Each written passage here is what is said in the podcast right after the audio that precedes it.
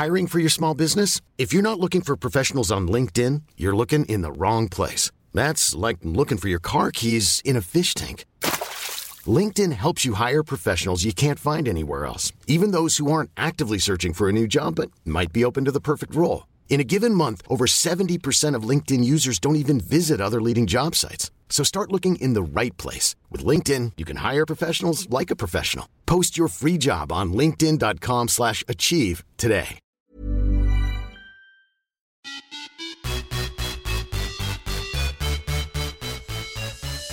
Yes Sara, nu är vi igång med ytterligare ett avsnitt av våran podd Viss och Svärm. Hur har din vecka varit? Den har varit bra. Det, nu är ju, nu kan man säga att sommaren är här. Det är juni och det är, alltså, jag blir så pirrig i magen när jag bara tänker på så här att det här, det här är ju bara början. Ja, jag vet. Alltså vi har hela sommaren framför oss och nu liksom att ta ett, jag har till och med idag tagit ett litet morgondopp här innan Åh, podden. Och, eh, ja men du vet, det, bara så här, det känns somrigt. Jag har gått typ i shorts nästan hela veckan. Alltså. Ja, jag... Jag trotsar det, du vet, även om det är tidig morgon och lite kallt Ah. så jag bara, men då tar jag en hoodie till. Så jag har haft en hoodie men ändå shorts. sådana cykel, eller så bikers eh, shorts, så lite längre sådana. Men eh, ja, nej, det är så härligt. Ja, jag Hur har din vecka varit? Ja men det är det är också. Jag hade ju en riktig dipp förra veckan och nu har det verkligen så här. Det har vänt och som du säger, det, sommaren är här. Det gör nog väldigt mycket för hur man mår också. Ja. Eh, också så här levt i shorts typ hela veckan. Eh, kommer precis från en skogspromenad med våran hund Penny. Eh, vi brukar börja dagen så innan vi börjar jobba. Vilket är väldigt, väldigt skönt. Så ja, veckan har varit bra och eh, träningen har flyttit på också väldigt bra. Eh, med lite så här intervallpass och några distanslöpningar och det rullar på liksom. Väldigt bra. Eh, och sen så är jag på gott humör också lite på grund av att jag har ju den här sommarlöpklubben som jag drog igång. Eh, som börjar på Ja. söndag. Nej, på måndag. Imorgon när man lyssnar så börjar den här klubben. Och man kan fortfarande anmäla sig om man inte har gjort det. Men eh, alltså jag är så glad över Sara att någonting som jag satsat på här nu faktiskt har gått vägen den här gången. Det är jättemånga anmälningar eh, och jättemånga så förväntansfulla, eh, mest kvinnor, inför starten på Ja. måndag. Så ja, det här känns så himla roligt. Jag är så jäkla glad över det. Så det... Gud vad kul. Ja, det känns bra. Verkligen. Och spännande också så här, att det är någonting du har jobbat med länge som du Ja. tror på och du vet så här, att testa ett nytt koncept Ja. och jag tänker att att det, det finns ju säkert chans att det här kanske sen fortsätter till hösten också ifall att eh, ifall att du vill. Ja, absolut. Och det är många som redan nu frågar så här, kommer köra i höst? Jag är skadad just nu, jag kan inte just i sommar, jag vill gärna köra sen. Alltså så, så jag får många frågor kring om jag ska fortsätta sen. Eh, så att det verkar Mm. finnas ett stort intresse och jag tror att jag tror timingen i det här är väldigt bra. Eh, så jag, ja, men jag är glad för det. Det har liksom verkligen fått bra respons och det ska bli så otroligt kul. Så jag är så peppad inför sommaren. Inför det. Åh, så spännande. Ja, Ja, Jag tror också det blir jättebra. jag hoppas det. Men hur har eh, din träning gått i veckan?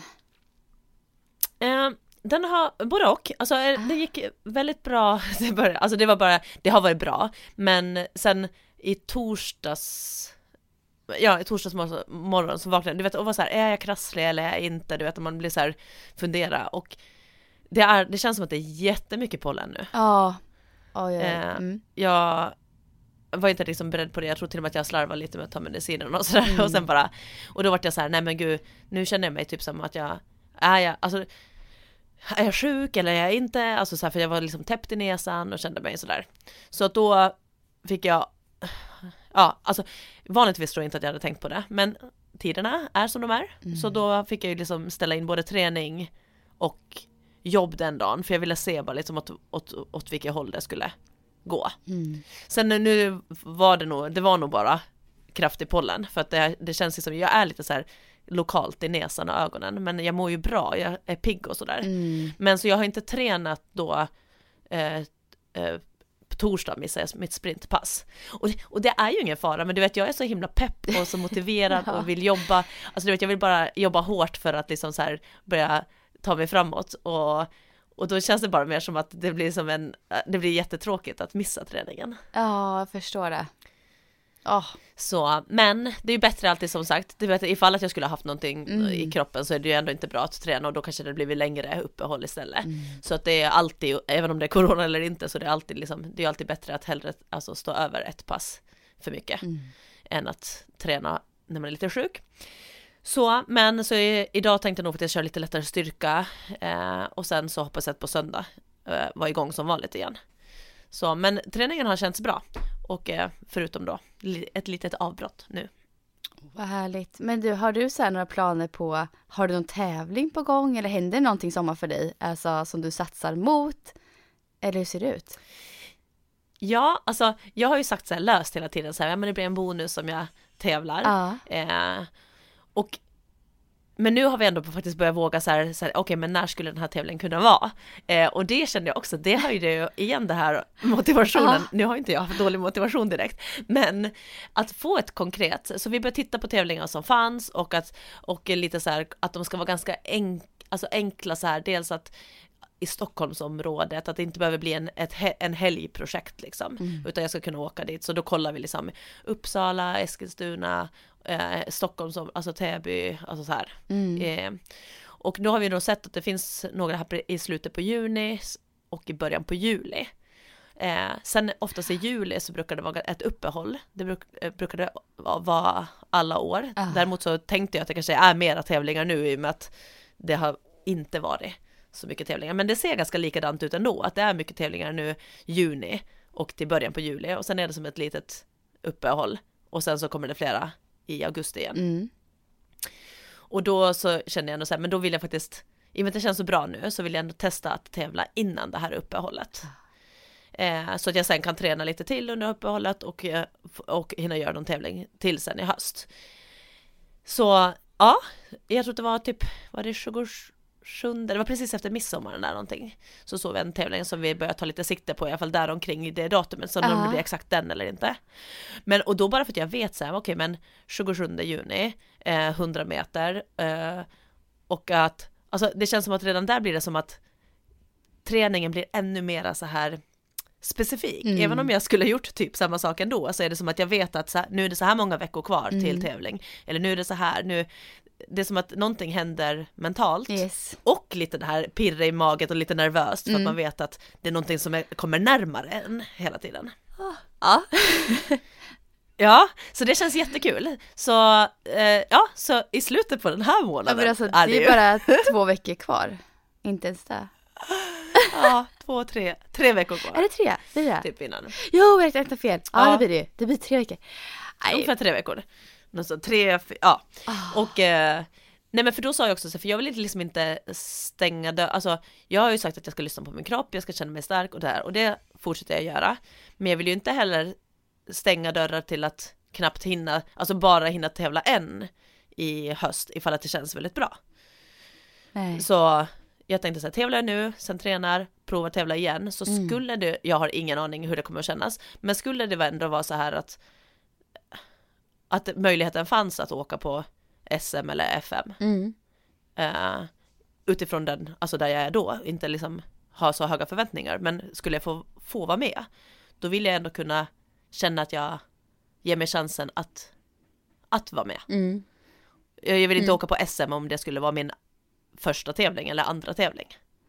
Utan jag vill Nej. ändå känna lite mer att, hur kroppen känns ja. och att jag känner mig ändå trygg att tävla. Ja. Men därför tänkte jag, men då tävlar jag nu så får väl se, men det är fortfarande ingenting så här som jag förväntar mig att det ska bli av. Eh, jag skulle inte bli besviken om det inte blir det, men det känns kul att ge mig möjligheten att träna för det. Mm. Så att känns det bra så kan jag vara med i så fall. Gud vad spännande ändå att dra igång med tävlingar här. Alltså vad ja. Alltså jag blir typ nervös bara att prata för det är så ja. länge sedan också som, i och med att jag inte tävlade förra året. Ja. Så det är typ, alltså nej men det är så länge sedan så att jag blir ju nervös och det pirrar i magen på ett jättehärligt sätt. Ja, den där känslan liksom, gå in i ett fokus och mentalt göra sig lite redo för att så här, prestera på ah. tävling, oh. det är ju något speciellt. Jo men det är det. Och det, för du, hade ju, du är ju anmäld till ett lopp i sommar, eller hur? Ja, ja. Men det var i det slutet på juli? Eh, augusti. Augusti. Eh, det, det här är ju Saucony Bam. Och eh, det jag upptäckte nu, det var att jag har missat ett mail om att anmäla mig i tid. och så jag måste Jaha. kontakta Ebba från Saucony och bara, men gud det här har jag missat. Så jag måste fånga in henne här nu och bara, är det för sent för mig nu? Fick jag panik häromdagen. Jag bara, men gud! Det här skulle varit inne i förrgår typ. Mitt slutgiltiga besked liksom. Ehm, men jag tror att det löser löser sig. Jag tror det. För det här var Mm. ju en startplats jag fick via Saucony. Så jag tror i så fall att det löser sig. Eh, Så jag var så nervös nu, Jag men gud tänk om det inte blir av. Har jag missat min chans här nu? För Mm. det är ju ett så jäkla coolt lopp alltså. Eh, men det troliga är ju att jag kommer iväg på Saucony Bam och det är början på eh, augusti, tror jag sjätte augusti tror jag att det var. Eh, och då åker man ju liksom på, om det är onsdagen eller torsdagen, man åker upp, flyger till Kiruna, eh, transfer dit, eh, man ska tävla och sen så är det typ en mässa dagen innan och så är det två dagars tävling för man sover över på berget och sen åka hem. Så det är ett ganska stort projekt där i det här. Ehm, Ja. så det vore så jäkla coolt här nu. Eh, jag, gud, jag måste skriva till henne idag. jag är så nervös, tänk om inte jag får åka.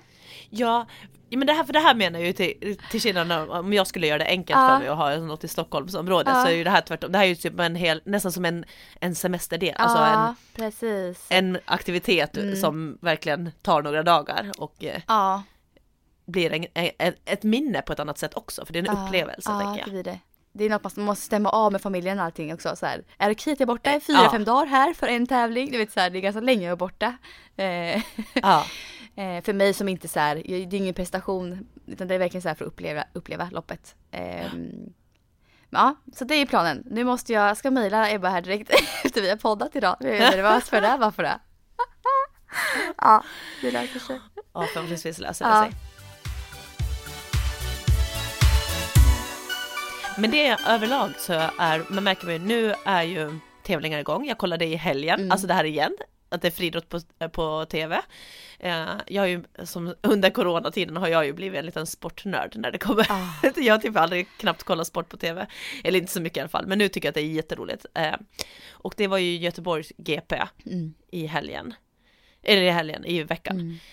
Ehm, och det är kul att se, för nu börjar det vara liksom säsongsdebut för många, någon kanske gör sin andra tävling och det är alltid liksom spännande, även om inte det säger exakt hur säsongen kommer gå så blir det ändå ett litet så här, ah, hur ligger de till? Det är alltid spännande att se någon springa, Ah. eh, springa första gången. Och vi har ju Moa Hjelmer som, hon körde sin andra tävling nu, men redan hennes första tävling då på stadion förra veckan. Eh, hon öppnade ju jättebra, alltså henne, hon sprang 100 och 200 nu, Ah. hennes huvuddistans är ju 400 meter. Ah. Men hennes tider nu på 100 och 200 meter är bara några hundradelar från hennes all time personrekord och det är ju alltså innan eh, hon fick sina två barn. Alltså så coolt Ehm, alltså. Så att Ja, så det är väldigt kul, att Kul se alltså. att hon är ju på starkt kommande tillbaka till liksom sina bästa tider. Ah. Och det här indikerar ju att hon är så snabb på 100 och 200 eh, indikerar ju ändå att hon kommer kunna göra jättebra tider på 400 också. För att Ja. även om det är uthållighet mer, så ska du bli en topp 400 meters löpare så måste du vara, du måste ha snabbheten. Mm. Alltså du måste ju vara jättesnabb på Mm. 100 och 200 också. Mm. För det går så otroligt snabbt. Så det är väldigt kul att se att hon verkar vara riktigt på gång. Ehm, sen så har det varit lite både kast och hopp som det känns som att det är många som öppnar öppnar starkt. Fanny Ja. Ros som är kulstötaren Ja. stötte ju typ var det, var det 24 centimeter över pers i första tävlingen. Så det är väldigt roligt det här med OS-år och att de öppnar så starkt. Sen så vet jag inte om du såg, såg du eh, Andreas Kramer? Nej. Vet du, för jag, miss... Äh, han- jag kollade ju inte på det här på tv, utan jag har ju hört om det här efteråt. Vilket jag tok Ja. ångrar nu. Jag hade velat se det här. Nej, men för han har ju man har, eh, de har hört att det har varit så här bra träning för honom och, Mm. mm. så här, och så skulle han öppna med sin första 800 meters lopp nu då här i Göteborg och man, man märkte att du vet, du vet eh, det var ju, alltså publiken jublade verkligen, det var publik, bara det. En sak, alltså Ja. jag reagerade, du vet det var konstigt att det var folk på plats. Eh, jag bara wow! Men, och du vet han fick så mycket så här applåder och det var, att det var så här, hade verkligen stöd från läktaren. Och sen 800 meter, alltså det är ju stökigt ofta du vet när de ska in på gemensam men bana och det var ganska Ja. stor klunga. Nej. Och då ser man ju bara, han hann ju spränga kanske 100, 150 meter och sen hände någonting, det var som att han fick en stöt alltså på sin bakre ben medan det var i luften så han tappar balansen helt och trillar in på gräset innanför. Och det hade ju regnat innan. Så det var ju helt blött. Så man ser hur han bara halkar och bara trillar av. Så att han ja eh, han var ju ute ur loppet efter 150 meter. Men Så det var så vad snopet. tråkigt. Åh, Ja, och man ser ju frustrationen och jag tänker det var det första, man är så här pepp på att se vad man ligger till. Men som, som tur var så verkar han få klara sig utan någon skada, för det såg lite så här illa ut när man kom ut på gräs och du verkligen, verkligen halkar till. Och jag tänker också vilken hastighet de har för att även om de springer 800 meter, men alltså här är alltså 800 meter, de öppnade första varvet på 51. Mm. Så att deras första 200, alltså när han sprang där 150 meter, det är ju samma hastighet som jag har när jag typ tävlar på 200. Alltså det är helt sjukt alltså. Och då tänker man det är ändå så ganska snabbt och att i den hastigheten Ah. bara du vet snubbla Ah. till och trilla ut på gräset. Ah. Det är ju inte, eh, det måste vara väldigt obehagligt. Nej men så tur att han inte blev skadad. För det är ju som sagt Ja. verkligen, man sträcker till något, någon liten muskel eller något någonstans i sånt fall. Ja, Åh, men så såg jag också ehm, ja, Maja Nilsson, Motala stolthet, Maja Nilsson, höjdhopperskan. Ja. Ja, eh, nu, ja, häromdagen hoppade hon en, en 94.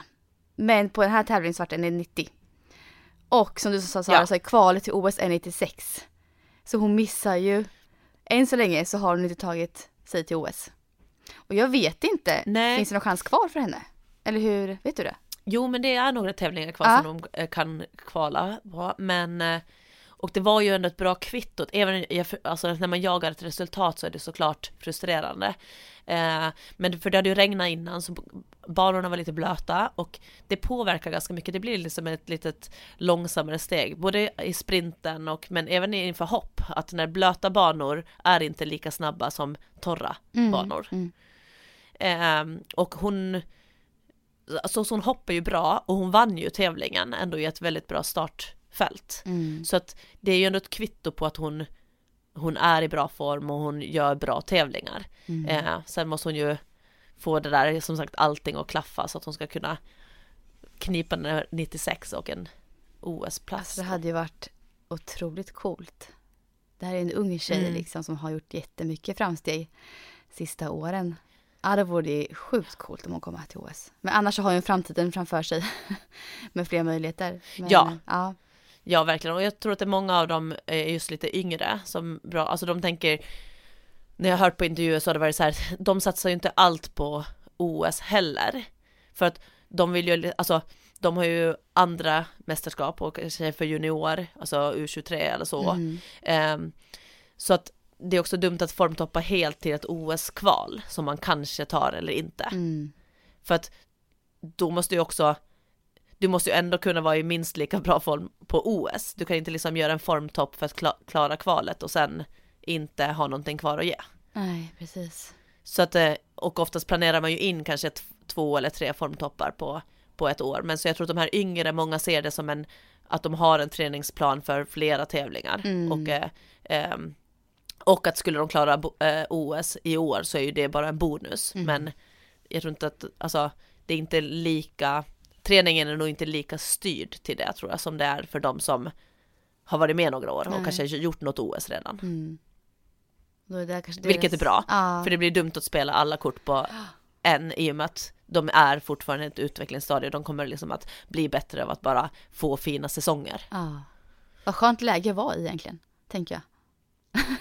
Ja, Ja, faktiskt. ja precis. Och om man också vet det själv, att Ja. det är så här, eh, för jag menar, är man under 20 år till, eller däromkring, alltså nästa OS då är de 24, 26, Mm. alltså där någonting. Mm. De är fortfarande väldigt unga. Mm.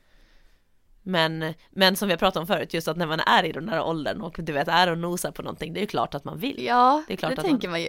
Alltså det är inget... Det är självklart. Han bara så här, jag, jag skulle kunna komma till OS liksom. Alltså den tanken så här att jag är nästan där. Vad sjukt egentligen, Ja, när man är så ung. ja gud. Ja, Ja, det är coolt. Mm. men det är ju också fler, jag tänker om man bara, där var ju jag liten, Mm. men det här med att lopp börjar, jag Mm. har också så här kunder som dels har haft in testlopp planerade, alltså löpkunder då, som, eh, och det har ju varit liksom på egen hand, men nu har de varit så glada så här, eller bara så här att ja, hon ska springa testlopp, men helgen efter det så är det ett riktigt lopp och hon ska springa, ja, du vet man blir så glad för att Ah. energin jag har mött av mina löpkunder. Eh, det känns ju väldigt tydligt där att gud, det händer någonting i deras träningsliv. Mm. Så de är väldigt glada och så är det så roligt för då har jag en som som messade mig och, och frågade om jag visste någon som hade så plats till den här Ragnar, vad heter det, Ragnar Relay, Relay ja. Lake. Ja. ja. Eh, om jag visste någon som behövde något lag och jag bara nej inte men jag ska höra mig för och så hade jag en annan kund som skulle springa det.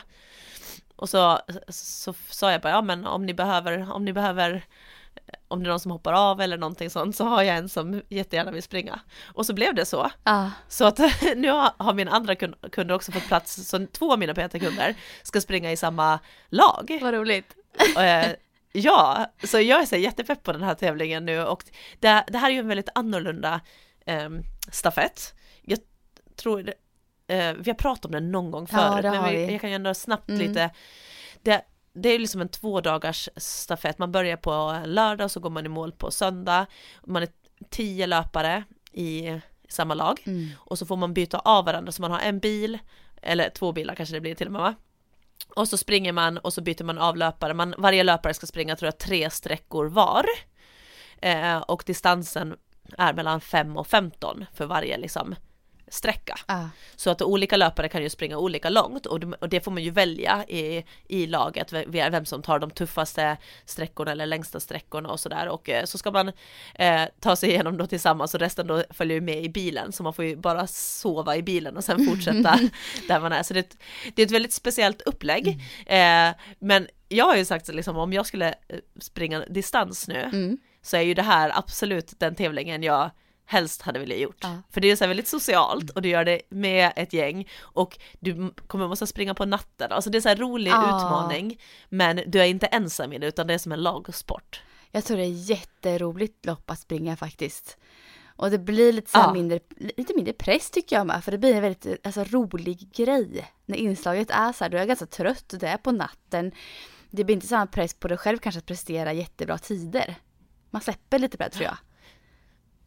Ja, plus att det här är inte, jag är inte helt inne på exakt hur det funkar, men det är någonting med att man också ska gissa sin tid för mm. laget mm. från start till mål mm. och att då äh, sätta ut vilken pace varje sträcka ska vara på och då kan man ju bestämma också vilken löpare som tar den här och så, så bestämmer man ju innan också så här du ska försöka hålla ett 5.00 tempo eller 4.45 på din ah. och så.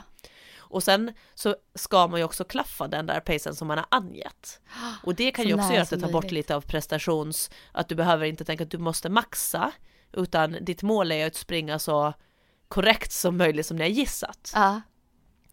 Och sen hänger jag inte helt med, men det är ju någonting så, så att den som kommer först in i mållaget behöver ju inte vara den som har vunnit om det är så att de till exempel har sprungit alldeles för snabbt mot vad de trodde, eller för ja, långsamt, precis. utan man ska ju man ska ju både gissa rätt ja. och hålla sin pace ja. och så, så, som, eh, komma snabbt in i mål. Precis. Men att man får liksom inte under eller överskatta sig. Ja. Jag fick faktiskt frågan här eh, för några veckor sedan att vara med också ett lag här.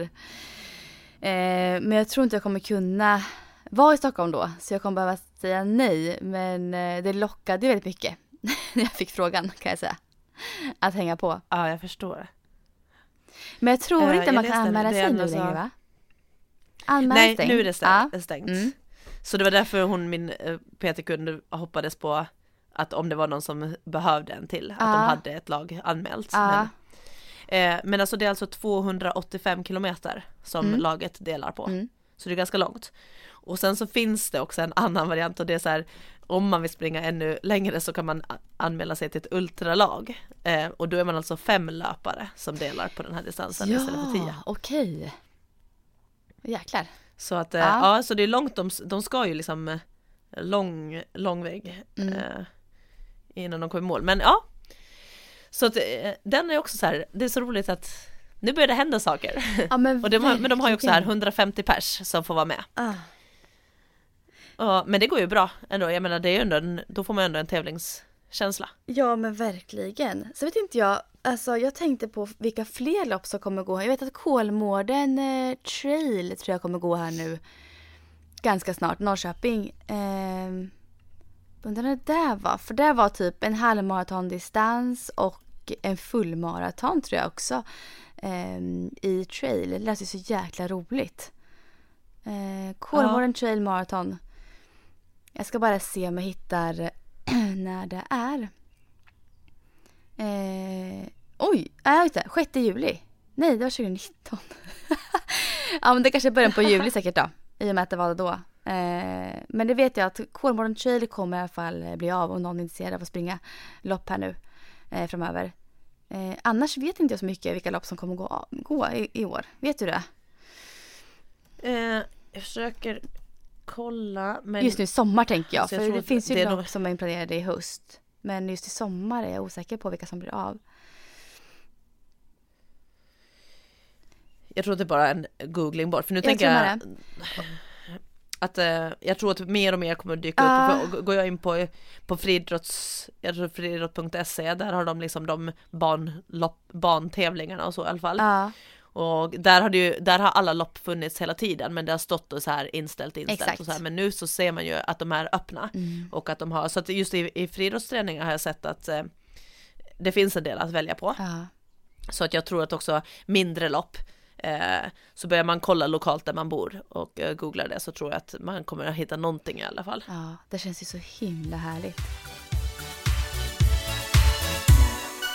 Eh, Ja, och jag hittade något väldigt intressant här i veckan. Jag lyssnade på um, Maratonpodden eh, när Petra gästades av Fot-Anders Nordström.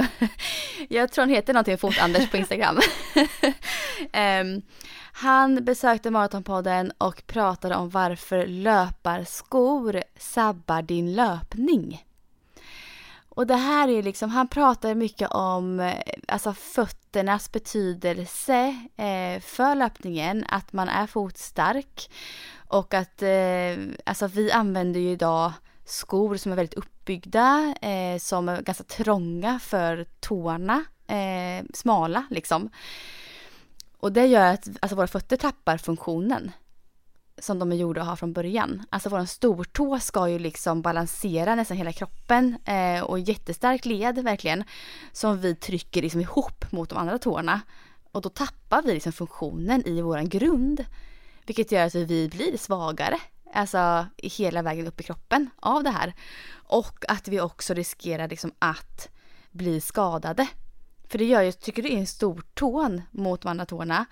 Foten blir smalare och då blir du mindre stabil och då faller du kanske också enklare in i en liten pronation eller överpronation som gör att du får skador upp i knät eller i höften. Alltså det styr så himla mycket eh, av kroppen i övrigt. Så han menar på det hur viktigt det är att vi faktiskt börjar gå mera Alltså använda fötterna, eh, gå kanske mer barfota. Eh, gå i skor som är mycket bredare framme tåboxen också. Ehm, att också träna upp fötterna via fotstyrka. Eh, så att, och det här har jag känt att jag har varit blivit mer och mer inne på också. Just det här med fotstyrkeövningar. Hur viktigt det är och det är någonting som jag också brukar så här verkligen rekommendera alltså mina klienter att tänka på. Eh, och det kan vara så jättesimpla övningar som att gå, vara barfota på en gräsplan, gå på tå, gå på hälarna, gå på utsida, insida fötterna, eh, jogga lite i gräset barfota. Eh, och de här du vet diagonalerna vi snackade om förra året Sara, eh, en del eh, på Ja. gräsmatta. Kör diagonaler som intervaller. Springa en intervall barfota. Eh, diagonalen och så jogga sakta kortsidan. Springa diagonal lite snabbare igen. Jogga kortsidan. Alltså använda fötterna eh, på ett helt annat sätt. Och behålla det. Jag tror att det är jätteviktigt att vi inte tappar det. Att vi bara går i trånga skor hela tiden. Det är super, super viktigt. Och här tänker jag typ som på en nivå som du kanske är Sara här, hur viktigt det är för er tänker jag med. Hur mycket ni använder era fötter och hur starka de behöver vara för att klara av den här påfrestningen som sprinten innebär. Och där har ju ni smala spikskor när ni tävlar men jag tänker i träningssammanhang. Brukar ni köra mycket barfota? Funderade jag på då när jag hörde det här. Eller kör ni mest i, i skor? Ja. Nej men alltså mycket skulle jag inte säga men vi har absolut så här på programmet att det ibland kan stå så här framförallt i försäsongen Ja. att det står uppvärmningen utan skor. Ja, det är så. Mm. Så då gö- gör man uppvärmningsjogg, vi joggar ju inte så långt, vi joggar kanske 600 meter Mm, någonting. Men att då kör man det och alltså hela uppvärmningen utan, utan skor. Eh, så jag gör inte så mycket så specifik fotstyrka, alltså typ, alltså ibland har jag gjort de här, du vet som du sa också, gå på utsida, gå Ja. på tå, gå på. Men någonstans så, så tänker jag att det bästa är ju liksom att, att vara mycket Ja, barfota. Och att göra sina naturliga Mm, rörelser mm. eh, barfota. Och eh, jag tror att jag har en ganska bra grundidé tack vare gymnastiken. Mm.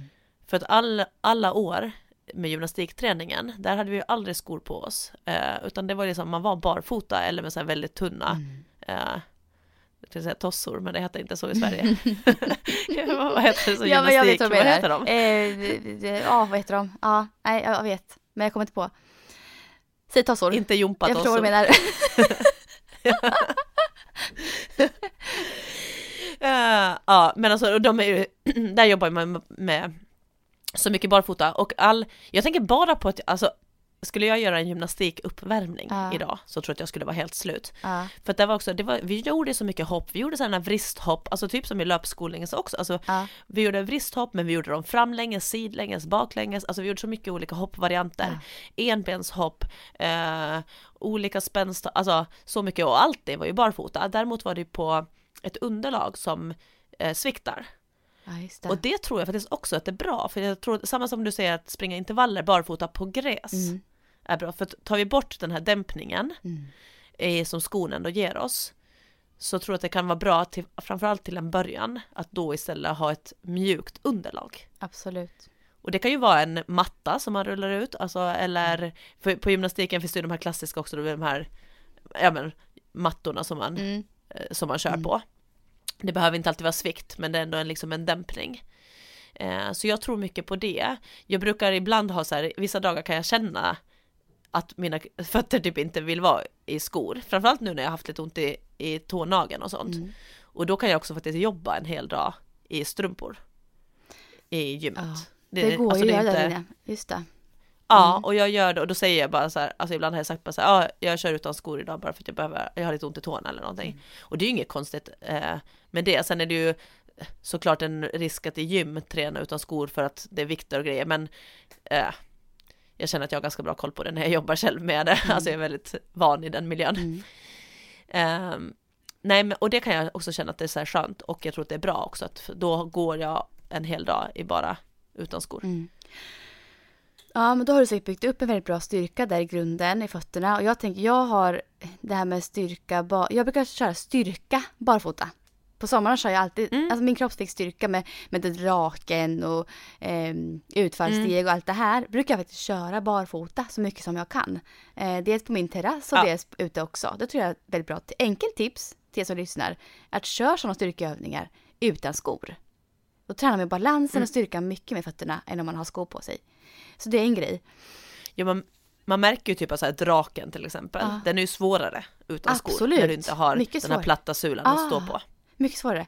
Och något jag har märkt med mina fötter, jag har min högra fot är lite större än vänster fot.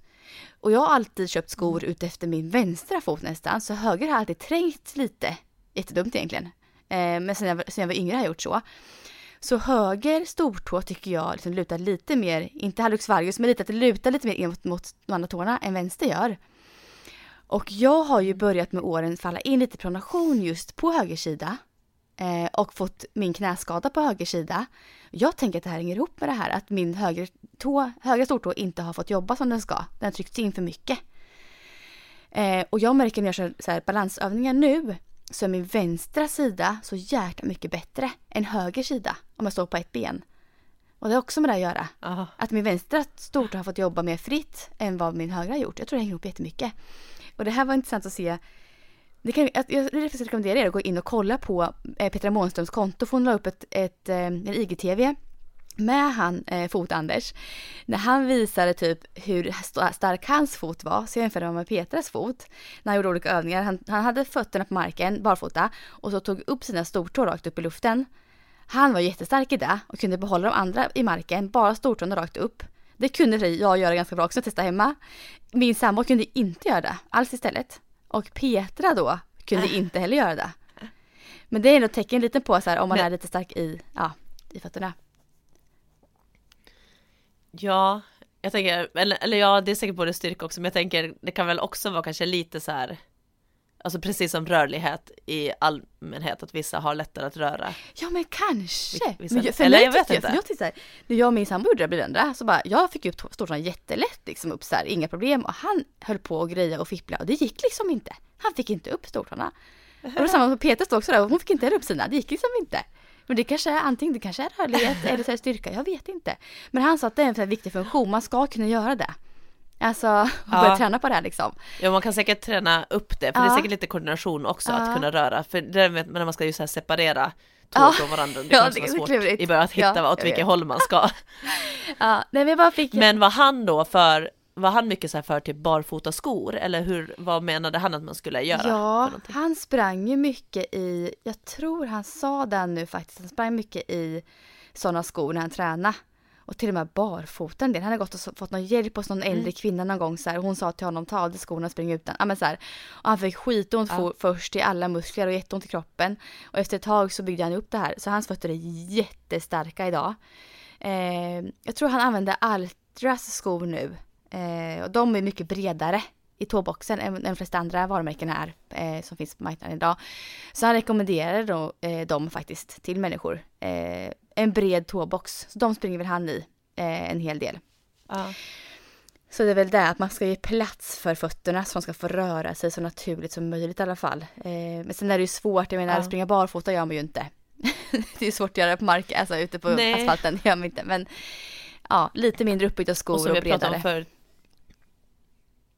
Ja, jag tänker att det finns ju skaderisk med att springa barfota också. Ja, Men, absolut. men eh, som allt annat, just börjar man men typ bara uppvärmningen eller bara de här styrkeövningarna barfota och sen tror jag att efterhand där man successivt kan öka på. ja, Eh, och säkert springa på hårt underlag, typ barfota också. Jag vet att vissa springer på löparbanor ja, barfota och jag tror att också skulle du alltså medvetet öka på lite lite hela tiden eh, så tror jag absolut att det går bra Ja. och är säkert bra. men han, Men inte för snabbt för mycket. Nej, men han sa att ett problem just nu det är ju för han, det är ju väldigt många elitlöpare som vill ha hans hjälp. Um, för att de är skadade och sådär. Eh, och han kan ju hjälpa dem, men problemet blir sen att när deras fötter blir så pass uppbyggda som han vill så får de inte plats. Då ryms inte de i de här vanliga, alltså typ eh, vanliga löparskorna som finns på marknaden idag. De är för smala. Aha. Så de ger inte utrymme för att man ska kunna röra sig naturligt. Och de, då är de här atleterna sponsrade av olika märken så de måste ha, så det går liksom inte. Mm. Han vill hjälpa dem men det fast, de fastnar alltid i det här att okej det funkar ju inte med dina skor ändå som du har idag. Vi kommer inte komma dit vi vill. Så det, det blir också problem. Ah. Så det blir liksom, ja. Ja. Men det var intressant Ja. att lyssna på honom. Så han kan man gå in och följa på Instagram. En rekommendation. Väldigt, väldigt duktig, eh, kunnig person inom det här.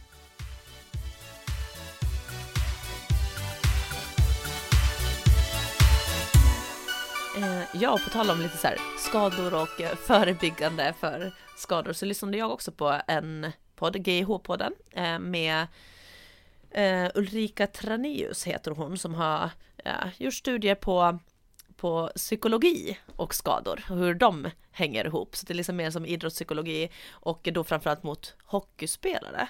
Eh, men det var väldigt intressant tyckte jag för det var lite så här, jag kommer ihåg, vi var inne på det för några avsnitt sen när vi pratade ganska mycket om det här med mindfulness och eh, att vara närvarande och att jag sa att jag skulle börja vara lite mera det i min träning för att öka prestationen utan att öka mer träning. Kommer du ihåg att vi pratade om det? Absolut. Mm. Och då blev det bara, det här var väldigt intressant, för det här var ju egentligen samma tänk, men här applicerar de då eh, att hon menar hur mycket just den här både stresshantering, mindfulness och det kan hjälpa en att hålla sig skadefri. Och att det- finns en koppling däremellan. Oftast när man gör studier på olika skador och sånt så kollar man mer på kanske mängdträning och alltså mycket fysiska faktorer. Mm. Eh, så det här var liksom en liten annan vinkel på idrottsskador. Eh, just i och med att det var liksom med det mentala. Eh, mentala som har påverkat det här då. Ja. Eh, och då har de gjort, framförallt så har de pr- pratat med, jobbat med hockeyspelare och också sett hur, hur, eh, hur de påverkade av det. Och då var det som att eh, Först trodde jag att det var mer den här bela- överbelastningsskada som de skulle prata om, men de pratade, det var liksom även akuta skador som hon menar att kunde påverkas av stress. Eh, i form av att så här, om du känner dig stressad eller tänker mycket på annat eh, eller nervositet som stress också och du har stress utifrån så kommer det att påverka din bedömning när, i en spelsituation och att du kan ta sämre beslut. Mm. Mm. För att du inte är fullt närvarande i exakt den situationen eller matchen du vet för att du har en oro om annat runt omkring. Mm. Eh, vilket i sig då kan göra att du också kommer in i situationer där du får skador. Eh, som kanske inte skulle ha hänt lika lätt om du hade varit 100% närvarande. Förstår du? Mm. Jag förstår. Eh, och då har de pratat just med hockeyspelare och kollat liksom vad de hade svarat på saker som brukar kunna så här, tankar som är utanför själva träningen. Eh, och då hade det varit framförallt då liksom till exempel allt från att de funderade på om de, alltså kosten, om hur de ska äta, om de har ätit för mycket eller för lite för att prestera. Eh, men också liksom allt från ekonomi, eh, speltid, alltså sådana saker. Och, och nu så tror hon också att i dagsläge att det även finns en stress kring typ sociala medier, att du ska synas på rätt ställen, Mm. du får ris och ros, alltså kommentarer ganska enkelt från folk som kollar på det, det du gör, att du väldigt du får höra saker väldigt snabbt Mm.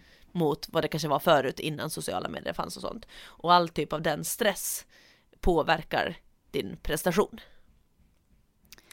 Eh, och då har då hennes, hennes grej som hon har eh, gjort en studie på, det var det att, att förebyggande gå in att jobba med stresshantering och mindfulness. Eh, så att man lär sig ett mindset som gör att jag kan bättre vara här och nu under min träning, under min match och liksom släppa alltihopa och se vad det då på sikt skulle göra med skador i laget. Mm. Och det man såg var ju ändå att i de här lagen som har fått göra det här så har skador hade, hade minskat ganska mycket. Däremot så, så sa hon så här att i och med att de inte mätte alla parametrar, det kan ju vara andra saker som också påver- påverkade att eh, skador minskade som de inte har mätt. Mm. De mätte ju liksom bara det här. Så man kan inte exakt säga att det var bara därför som det här är. Eh, men det fanns ändå en tydlig, eh, tydlig skillnad på att lagen som hade jobbat förebyggande med stresshantering Mm. och gett dem verktyg hade mindre skador. Och det tyckte jag var väldigt intressant. Väldigt intressant. Och man tänker så här, gud vilket bra verktyg att ta till som tränare själv. Tänker jag, till Ja. sina atleter eller vad nu är man har. Och även som du sa, tänker jag, framförallt på också kanske som, som satsar ganska så hårt på sprinten där. Hur du kan använda det här eh, i din träning, tänker jag också. Mm. Du, känner du så här, tänker du så här, kan du, kan du förstå det här och relatera till dig själv? Hur du funkar? Eh, ja men absolut, och jag, alltså, de pratar också om hur man kan, både som elit men även som motionär, eh, veta att man gör, gör lite på rätt sätt i det här. Och det kan vara liksom att antingen kanske man är en person som som just det här har mycket i huvudet, att man tänker ja efter träningen sen så behöver jag fixa det här och det här, eller just det, det där mejlet skulle jag svara på. Eh, eller så är man kanske en person som har lätt att släppa allting och att träningen blir ens frizon. Och det är det man egentligen vill komma åt, både prestationsmässigt men också då just det här för, för, eh, för att minska skaderisken. Och då sa hon att är man en person som har svårt att släppa saker runt omkring och att det är mycket på jobbet, då kanske det är bra att lära känna sig själv i det också, att antingen då kanske hoppa det passet om det är saker man måste ta tag i nu. Och är det saker som man inte behöver ta tag i nu, då behöver man träna på att släppa det för att eh, det här är liksom också just, ja, nej men öka skaderisken antagligen Mm. om jag då inte klarar av att vara här och nu under min träning. Jag tänker mig så här för att, för att stress är ju en reaktion som sker fysiskt i kroppen också. Så jag tänker att det har säkert Ja. en, verkligen en, på riktigt en effekt. Eh, En negativ effekt då på att kunna falla in i skador och så. Eh, Det, det låter ju logiskt när man hör det.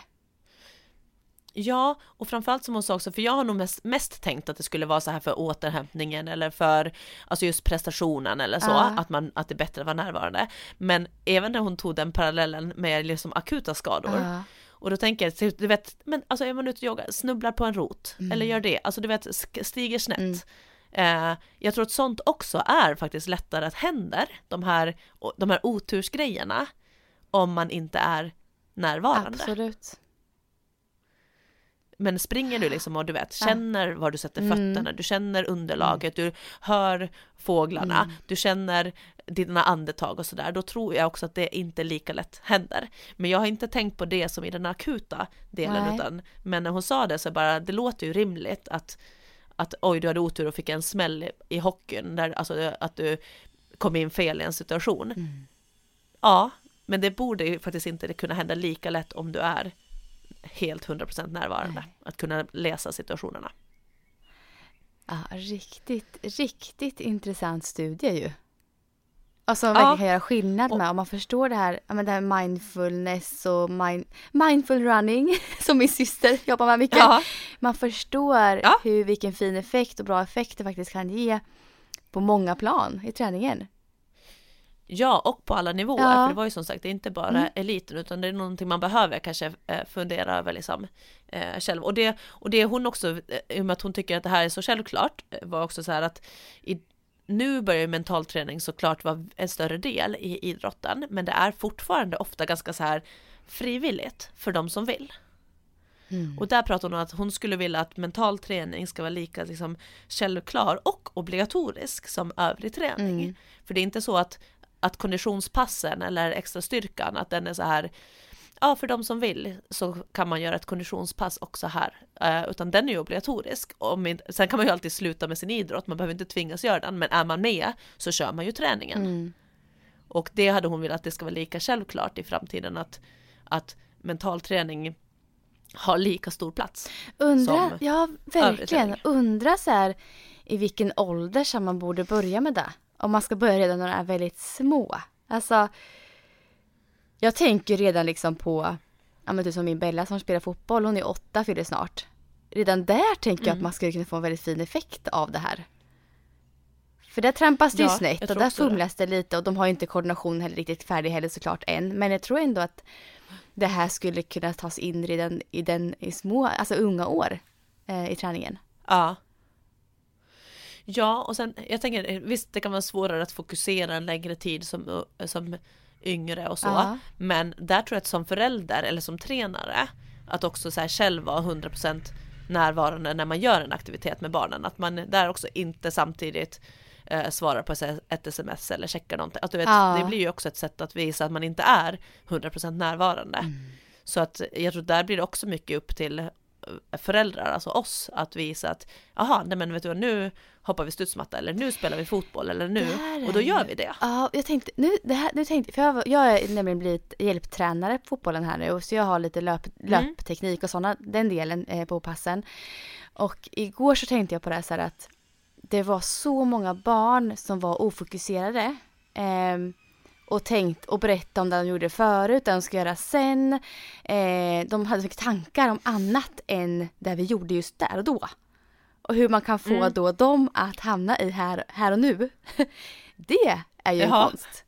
Men alltså, Ja, och jag vet inte hur mycket det går på, för jag minns också, jag minns att jag fick tillsägelse när jag var liten, att jag stod och tittade på flygplan ja men, under men fotbollsmatchen. exakt! Det är så här, när man, man en instruktion så bara hängde, hängde alla med på vad jag sa nu bara eh, Nej, vad sa du? liksom så här, kommer från tre personer bara. Jag, tre gånger har jag sagt Ja. samma sak om och om igen. Och ändå så står någon Ja. och kollar upp i luften eller gör en kullerbytta bredvid. Ja men precis, och jag tror att det handlar mer om att vi måste anpassa våra instruktioner till Jo, barn, men att det, så- att det kanske inte jo. ska vara så mycket instruktioner. Nej men så är det ju. Men däremot så märkte jag att, att vissa av de här tjejerna igår, de, de var så ofokuserade så att det förstörde för hela gruppen. Vissa ville ju lyssna och Ja. köra och tyckte det var kul och så. Men när en börjar och påverkar den andra och nästa nästa så blir det nästan kaos till slut. Alltså på, på en nivå som Ja. är ohanterbar. så det där tror jag att man Ja. måste hitta så här, någon slags eh, mellanting kanske och möta dem i det fast liksom man måste ju ändå fånga in dem, intresset på något sätt. Eh, så att de ändå liksom gör som man säger. Men det, är- det, det är en konst alltså. Men jag tror ändå, för det jag tänkte på då faktiskt nu så var det väldigt uppenbart för mig när du sa det här mindful eh. Det var att de som lyssnade mest och mest intresserade med stora ögon, du vet så här. De tyckte att det var roligast, de gjorde bäst ifrån sig. De som inte gjorde det, Mm. de snubblade på sid- alltså snubblade och liksom de, de gjorde inte riktigt som jag sa och det gick inte fram riktigt och jag märkte att de andra var som fokuserade hade kul. De hade roligast. Ja. Och presterade bäst då också. Så jag vet inte om man kan man kan ta, ta till det i det här faktiskt lite grann det här med att vara här och nu och njuta av den här övningen som vi gör. Ett indianhopp eller alltså Mm. tjoa till lite, njut lite av det vi gör och vara här och nu och inte någon annanstans. Det är en konst Mm. alltså, men jag tror att hittar man det även hos barnen så tror jag att det kan bli ganska bra i träningen. Ja, och där tror jag också just att är ens, deras eller ens egen lust kommer med också. Så Ja. här, är det någonting man tycker att är roligt, då är det mycket lättare att vara i det Ja, också. och det måste man också är man upp. där mest för att Ja, är man där för att mamma och pappa tycker att man ska gå på fotboll Mm, eller så, så mm. kommer det också vara svårare tror jag, att Mm. vara i det, eh, närvarande. Verkligen. Ja, nej jag bara relaterar det till det du sa nu. ganska mycket. Ja. Ja, ja men intressant ja alltså. nej, men det var så det var Ja, och ännu mer just att bekräfta på att, jag, att just det här eh, mindfulness och här och nu, att det blir eh, viktigare på flera plan och av flera orsaker. Så det var, det var väldigt intressant Ja. eh, studie. Det finns inte så många studier på det här, så att, eh, men eh, det kanske kommer flera. Det kändes som att idrottspsykologi växer lite hela tiden. Mm. Eh, men det var väldigt kul att just den här vinkeln, för det var lite en ny vinkel på det, på, på sk- skador och stresshantering. Verkligen. Men jag, och nu tänker jag också på, alltså när man själv ute och springer. Jag tänker att du sa att det även når motionärer och det här, alla vanliga människor. Att alltså, när jag springer och har en dag där jag är stressad så blir det aldrig riktigt bra. Alltså man känner själv att kvaliteten på passet blir sämre än om man går in i ett pass och har fullt fokus. Det finns inga störningsmoment. Typ vad, vad kommer hända när jag kommer hem, ska jag jobba, mejlen. Alltså inget sånt alls. Släpper man det, ju mer man släpper det, ju lättare fokuserar man på träningen och ju bättre blir ju passet. Man känner nästan det Mm. tycker jag i styrkeeffekten, i vad man får ut av passet efteråt också. När man hittar fokuset där och då. Jag tycker det känns jättestor skillnad på mig, kan göra från dag till dag och vecka till vecka beroende på alltså vart jag är i stressnivå. Eh, ja. Så det här tror jag verkligen man, vi vanliga motionärer verkligen, eller ni vanliga motionärer ska ta till er också av liksom. Eh, att försöka komma in mer i, i att vara här och nu. När man springer, när man tränar och egentligen i allt man gör i livet. Såklart också. Men det här var ju fokus på träning Ja, och skador. Mm. Ja, intressant. Verkligen. ja.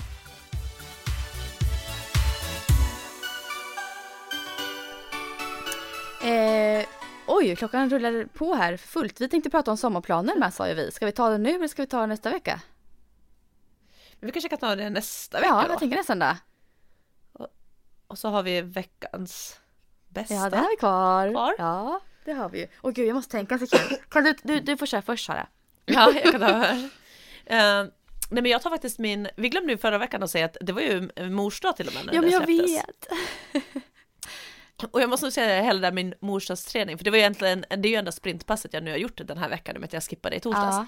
Men eh, då var det, jag hade ju haft vilovecka veckan innan, så att jag kände du vet när jag värmde upp till det passet att kroppen ville verkligen springa. Ja. Och jag kände mig så här fräsch och pigg och det var liksom, ja, eh, väldigt härlig känsla och varmt igen, det var så här sommarträning utomhus.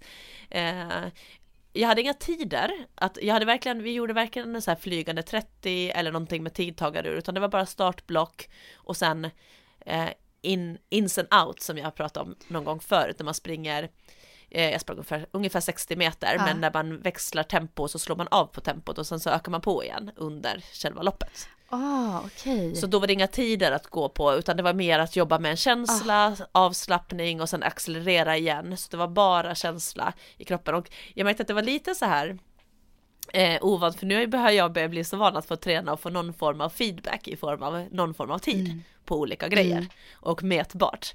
Och då var det nästan så här, eh, men gud, jag skulle veta hur jag låg till idag. att jag, I och med att jag kände mig så pigg och, och snabb. Men jag tror att veckans bästa var där faktiskt att då också bara, nej men nu är det inget mätbart idag. Och att bara eh, fokusera teknik och njuta av, av känsla. Ah, Eh, härligt. Ja, nej, så det passet var väldigt härligt och varför jag kom att tänka på mors dag var där också för att då hade vi också bestämt Eh, jag älskar att så här, min familj vet vad träningen betyder för mig. Så det var så här, jag fick frukost, sen fick jag åka iväg och träna som vanligt. Mm. Och sen kom de och mätte upp mig till träningen. Så att vi, de kom till friidrottsbanan och sen åkte vi och åt lunch.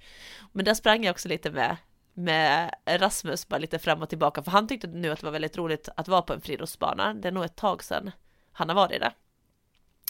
Och så ville han också då gå till till längdhoppsgropen och så skulle vi hoppa lite där. Men då hade de, vi gick förbi en annan längdhoppsgrop först där de tränade. Eh, för jag sa att vi får gå till den, den andra där borta där vi inte är i vägen. Mm. Men jag tänkte bara på sådär med barn och jag kände så här, åh jag måste börja ha mer på friidrottsbana för att eh, han vet ju träning i form av vad vi gör hemma, eh, styrka och det här, att man, ja, man lyfter tunga saker. Eh, och vad de snappar upp men då när vi gick förbi längdhoppsgropen och de stod och kratta i den, alltså Ja, de liksom jämnade ja. ut sanden. då, frå, då frågade han mig bara så här, mamma, vad ska de plantera här? och det tänker jag för han, för Lasse älskar att plantera. Och det är liksom Lasses och Rasmus grej, de är så duktiga, de har liksom familjens gröna Ja. fingrar. Och de har gjort, vi har odling och vi har alltihopa, men då var det så tydligt du vet så här för mig, jag bara, jag bara kände så här, nej men nu går planteringen, odlingen före friidrotten. Så jag bara, nej älskling, de, de bara krattar så man kan hoppa långt här i sanden. och så gick vi och hoppade långt och så hoppade han i sanden, han bara, men mamma nu har jag sand i skorna. Ja. Jag bara, Ja. ja, så, kan, så kan det vara. Du får vända det där. Du får lära honom att sand, Ja. sandelåda betyder inte att plantera. Exakt. Nej med tanke på att barn lär sig och gör det de vad vuxna gör. Och då kände jag så här, han har, han har hängt mycket med Lasse nu och de har planterat. Men här så ska det inte växa några tomater. Vad roligt alltså. Det var lite gulligt tyckte jag. Jättegulligt. Mm. Har du kommit på någon Ja, veckans bästa? det har jag absolut gjort. Jag hade nästan glömt bort det här. Ehm, jo, jag sprang mitt längsta pass eh, för i år. Mm, 23 kilometer vart det. Ja. I jättelugnt tempo. Eh, och det var lördags, då var det så här, ja men en sommarmorgon liksom. Eh, klockan sex gick jag ut och sprang. För jag ville att eh, familjen skulle typ precis gått upp när jag kom hem och så var det ju. Ehm, så jag sprang 23 kilometer. Ja, sommarfeeling. Eh, på grusvägar, på eh, landsvägsvägar, på... ja, Det var så himla härlig känsla. Eh, och bara liksom sprang och njöt. Och lyssnade på poddar. Kom hem. Tog en skön frukost, lång frukost för familjen på terrassen. En lång dusch. Det, är så här, äh, det var bara så himla skön känsla. Nästan så här overkligt magiskt. Jag glömt bort hur det känns när det är så här sommarlöpningen är ju det allra bästa tycker jag. Och blir riktigt, ja, jag Ja. älskar det alltså. Det är så himla härligt. Så det får bli veckans Du har hela bästa. semesterkänslan. Ja! Jag tänker det blir så här semesterkänsla när man är ute en sen längre och sen kommer tillbaka kanske sitter och äter frukost på altanen eller liksom ute eller Ja, Det är så skönt där. åh gud jag är så pepp på att det här är framför Jag oss vet, nu. och nu kollar jag på progno- prognosen visar liksom 23, 22 grader typ 10 dagar i rad framöver här nu. Så att det är så här, ah, det ska ju vara så här varmt nu Ja. Framöver. ja, och att man verkligen får påminna sig att sommaren eh, har börjat Ja. nu. För det är så lätt om man tänker så här eh, midsommar eller sen juli, augusti. Ja. Men då missar man ju en hel månad. Alltså nu, man måste börja göra sina sommargrejer nu. Gå i shorts, bada, Mm. eh, äta utomhus. alltså du vet, bara göra sådana små saker som man eh, älskar att göra på Ja men sommaren. verkligen. Ja, och jag har badat massa gånger också. Ja men det har du också gjort Sara, sa ju du förut. Ja, och det blir ju så mycket varmare i vattnet. Ja, det ska vi säga att det är varmt. Alltså, du, både du och jag vinterbadar ju ibland liksom. Så vi är vana med att, att det är kallt Ja. liksom. Men alltså häromdagen var det ju, jag tror 13 på morgonen inne i Vadstena jag var inne och badade, nämligen med min syster. Eh, så 14-15 kanske det var när vi badade på dagen då. Där. Och det kändes alltså ganska varmt. Det låter ju sjukt att säga så. Men Ja. alltså jag njöt. Jag tog flera dopp med alltså, simma under vattnet liksom. Eh, flera gånger i rad liksom. I det här doppet. Det var så här, åh! Fantastiskt, sommaren är här. Och alla bara, eh. jag vet inte, men jag njuter. Och jag längtar efter fler bad i sommar alltså. Så härligt. Ja. Ja, nej, med det sagt Grymt. då. så får vi önska alla Ja. som lyssnar härliga sommardagar här nu i veckan. ja, och så satsar vi på att göra en liten eh, titta framåt mot sommarplaner ja, nästa vecka. exakt, vi gör det. Så får du också ha en jättefin vecka sen Sara. Ja, Ja, detsamma. ha det bra. Ha det bra allihopa! Hej då!